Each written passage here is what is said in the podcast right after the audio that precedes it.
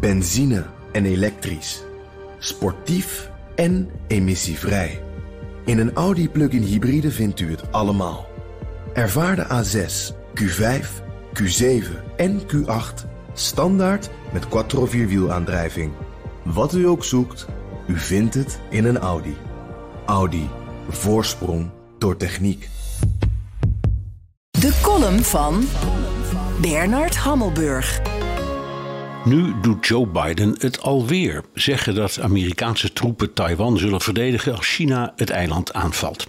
Dat zou oorlog met China betekenen met een twijfelachtige internationaal juridische onderbouwing. Sterker nog, als senator heeft Biden zich tegen Amerikaans militair ingrijpen verzet. Dit keer kwam de opwinding door uitspraken die hij deed in een tv-interview met 60 Minutes. Amerika houdt zich aan de overeenkomst met Taiwan, maar als China aanvalt, stuurt hij het leger. China reageerde woest, opnieuw, al raken we eraan gewend. Hoe zit het nou precies met die Taiwan Relations Act? Daarin staat dat de Verenigde Staten Taiwan van wapens voorzien om zich te weer te kunnen stellen tegen dreiging vanuit China. Terwijl in de wet is opgenomen dat er geen formele diplomatieke betrekkingen zijn, luidt de tekst dat in overleg met het congres gepaste actie kan worden overwogen.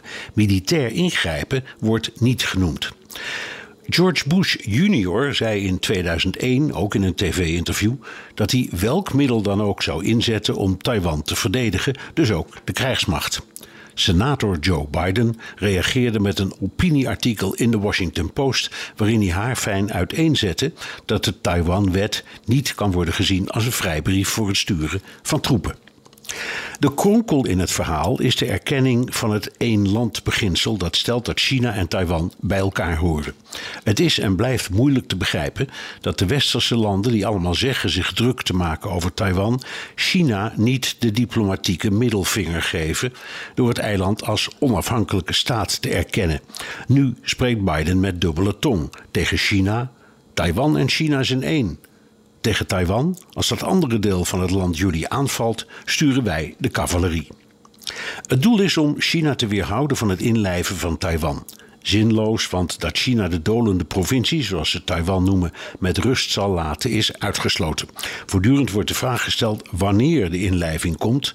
Een betere vraag is hoe de inlijving wordt uitgevoerd.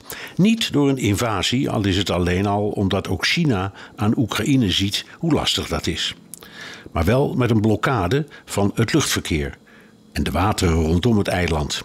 Amerika stuurt dan ongetwijfeld vliegdekschepen, maar komen die echt in actie? Het is ijdele hoop om daarop te rekenen. Benzine en elektrisch. Sportief en emissievrij. In een Audi plug-in hybride vindt u het allemaal.